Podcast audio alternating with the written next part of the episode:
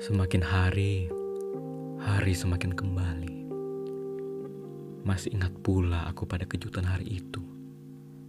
Ketika melihat berita petang di ruang tengah, berkata heboh bahwa virus itu sedang menari kemari. Tanpa mengetuk pintu, tanpa memberi salam. Tak ada bayangan apa pun bahwa akan selama ini untuk menunggu sebuah pertemuan, untuk menanti sebuah pelarian.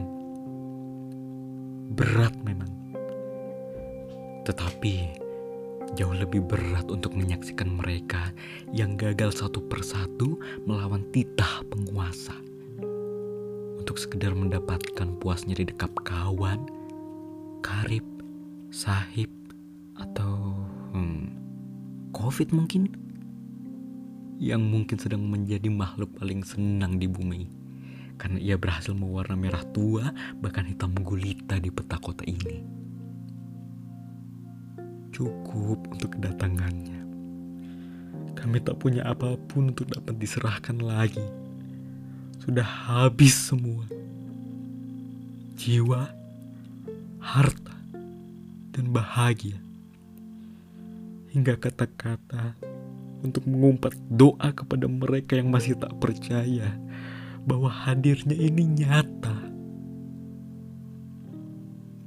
Namun, aku ingat di balik mendungnya awan tetap ada mentari yang tak berhenti bersinar.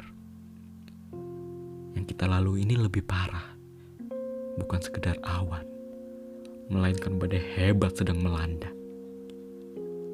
Tapi yang dimulai pasti selalu ada akhir, bukan? Perlahan, badai akan mereda. Hujan mulai berhenti, lalu awan akan terbawa angin kencangnya. Saling berpisah dan memberi celah sinar mentari untuk menghangatkan wajah bumi sedikit demi sedikit.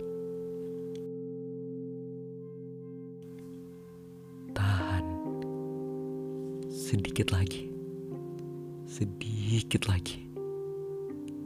Diam dulu di ruang belakang rumah ini. Biar mereka yang berbaju putih itu yang menjamu.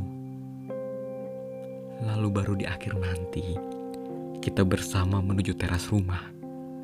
Menyaksikan ia pergi, lalu menyumpah salam pisah.